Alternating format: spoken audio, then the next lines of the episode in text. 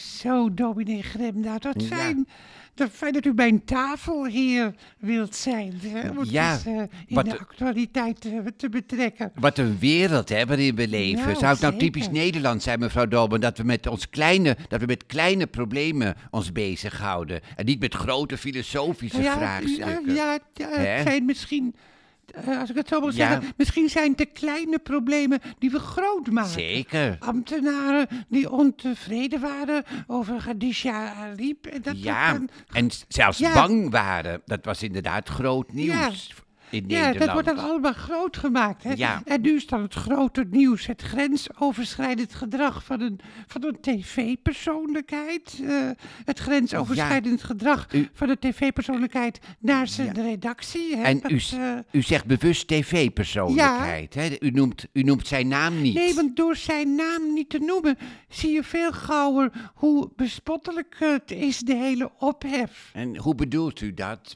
Nou, Dortman? Nou, als je bijvoorbeeld tegen een buitenlander hè, zegt.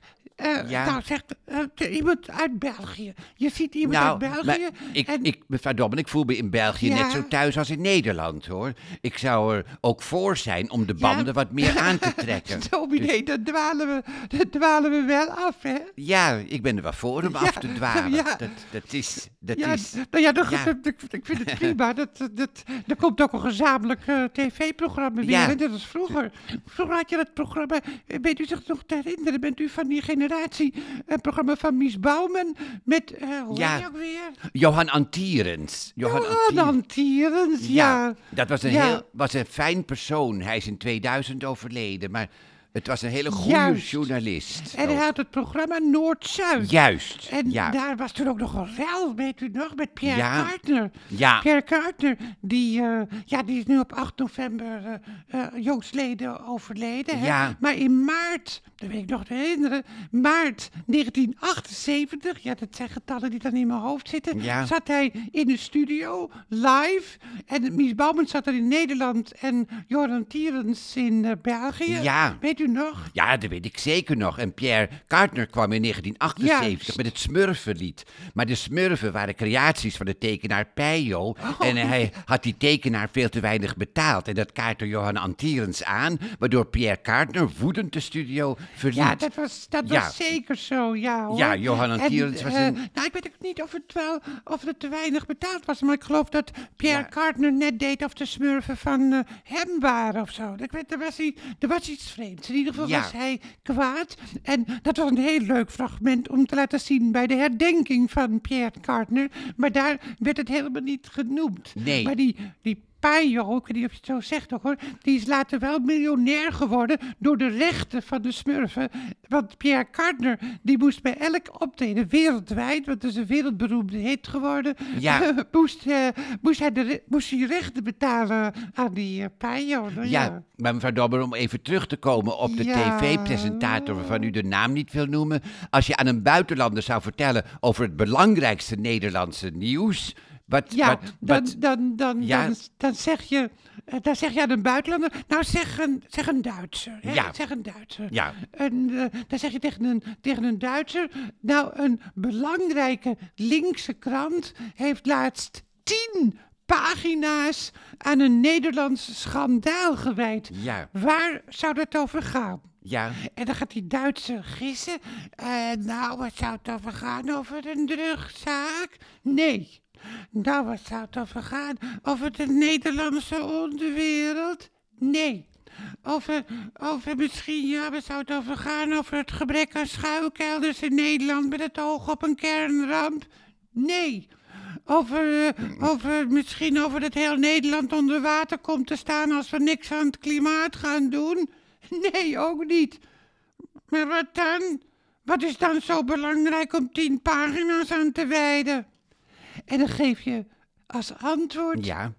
aan een arbeidsconflict bij een Nederlands tv-programma.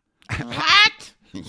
Wel? Maar Ja. dominee, dan, dan wordt het toch ineens volkomen absurd Ja, dat je dat het is- zo ziet. Tien dat- pagina's aan een arbeidsconflict Ja. bij een Nederlands tv-programma. Ja, nee, dat is waar. Dat is een hele goede invalshoek van u. Ik denk Ja. dat geen normale krant daar zoveel aandacht aan zou besteden. Tien pagina's in Nederland niet. Nee. En in België ook niet. Niet de Standaard, niet de NRC, zelfs niet de Gazet van Antwerpen. Mag ik die invalshoek gebruiken voor mijn preek van zaterdag, mevrouw Dolman? Zou dat, zou dat, zou dat mogen? Want ik vind het wel Eh, interessant. ja. Eh, ja, mag dat? Ja, natuurlijk. Oh, ja, fijn. natuurlijk. Ja, Ja, hoor. Als, dat- als u maar helderheid brengt in een op hol geslagen wereld. Nou, dat hebt u mooi gezegd, zeg. In Nederland eh, slaat men totaal door met de verhitte discussies over in wezen kleine onderwerpen. Ja. Dat is... Ja, dat, eh, ja, daar zijn we het wel met elkaar over, Over eens. eens, hè? je bang bent op het werk, bang bent voor de baas of bang bent voor collega's, hè, daar komt nog veel meer voor. Ja. Dat je bang bent voor collega's. Ja, nou, gemeen kunnen in zijn. België ook. Dan, dat, is, dat, dat is ontzettend vervelend. ontzettend, is ja. verschrikkelijk. En dat gebeurt overal, niet alleen bij tv-programma's. Maar en daar moet je er natuurlijk over praten. Je Nou, moet dat, je moet, en misschien moet je zelfs agressief worden. Het gebeurt ook op school en op de universiteit. En vernederen mag niet. Maar net als met Mhm. beledigen heb je heel veel mensen die zich al heel snel vernederd voelen. En Ja, dat maar is... Dat, is, dat ja. is klip en klaar. Dat is, natuurlijk, eh, dat is natuurlijk altijd zo. Dat stond ook in Trouw, een hoogleraar die tegen een leerling die haar werk te laat had ingeleverd vroeg: Waarom heb je het zo laat ingeleverd? En die liep kwaad weg. En later Ja. zei een vriendin van haar dat ze zich vernederd voelde omdat de hoogleraar het aan publiek had gezegd tegen die student. Ja, nou, ja, Ja. zeg. Ja, dat nou, is- dat ja, is ook het, wordt misschien nog een, misschien wordt het nog wel een hele rare tijd ook hoor. Als we zo doorslaan met Ja. angstcultuur en Ja. het vernederd voelen. Ja, Kijk, dat, eh, dat, eh, Serieuze zaken moet je natuurlijk aanpakken. Tuurlijk. En arbeidsconflicten moet je meteen en intern aanpakken. Bij Ariep had het meteen opgelost moeten worden. En bij de tv-presentator ook, trouwens. nou, nou noemt u zijn naam ook niet, hè? Nee, want het wordt inderdaad dan veel absurder dat een Nederlandse krant daar tien pagina's over heeft. Nou noemt u de krant ook niet meer. Nee, dan wordt het nog idioter. Dat is, eh, ja, ja, dat is nou helemaal zo. Ja, maar, ben- dan vraag ik me wel even. Ja, we zitten Ja. hier zo bij elkaar. Wat zijn nou wel boeiende onderwerpen om over te praten? Ook voor, Eh, voor de nou- luisterboevenkindjes van Ja. deze podcast. Wat Ik- zijn nou wel, wat zijn nou wel Ik- boeiende, ik- wat zijn nou wel boeiende onderwerpen? Ik las zaterdag in diezelfde krant een interview met de cabaretière Sarah Kroos. En dat greep mij erg aan. Sarah Kroos. ja, Hebt u dat ook ja, gelezen? nou, dat heb ik ook gelezen. Oh, ja. En zij heeft ook een boek geschreven. Hè? Ja. Eh, Rood is ja. En dat gaat over seksueel misbruik en herhaling eh, hiervan. Ja.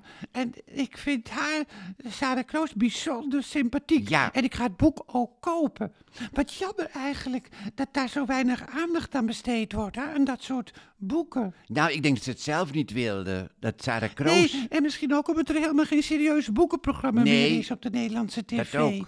Ik vind, ik vind dat brommer op zee, dat vind ik toch eigenlijk helemaal niks ook, eerlijk Nee. gezegd ook hoor. Met een beetje die geforceerde gesprekjes tussen Rut Joost en eh, Wilfried de Jong.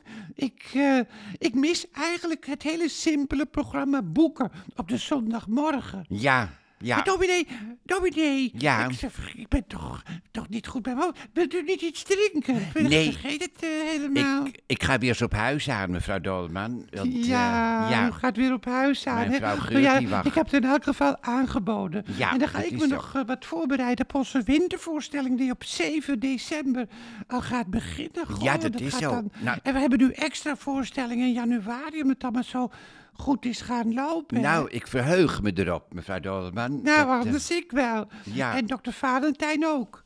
Ja, nou, ja, bij- bijna, bijna alle voorstellingen zijn uitverkocht. En dat is in deze tijd wel heel uniek. Ja, zeker uniek. Ja hoor. Nou, Nou, blijft u nog even zitten, Dat- dominee. Ja. Dan kondig ik deze aflevering van onze populaire podcast alweer eh af. Ja. Ik eh, vind het ontzettend fijn, luisterboevenkindjes, dat jullie luisteren. En ik zou zeggen, tot de volgende keer. Ja. En ik richt me speciaal tot je petje af, mensen, want die steunen mij ook waar ik het nodig heb. Ja. Dus tot de volgende keer. En blijf zoveel mogelijk nuchter. Word ook af en toe emotioneel, maar zie alles wel in het juiste perspectief. Dat is belangrijk. Zeker. Hè? Wat erg is, is erg, maar maak het niet erger dan het al is. Nou, dat zijn wijze woorden. Dank u wel voor het compliment. Dank u wel. En nog een fijn, fijne voortzetting.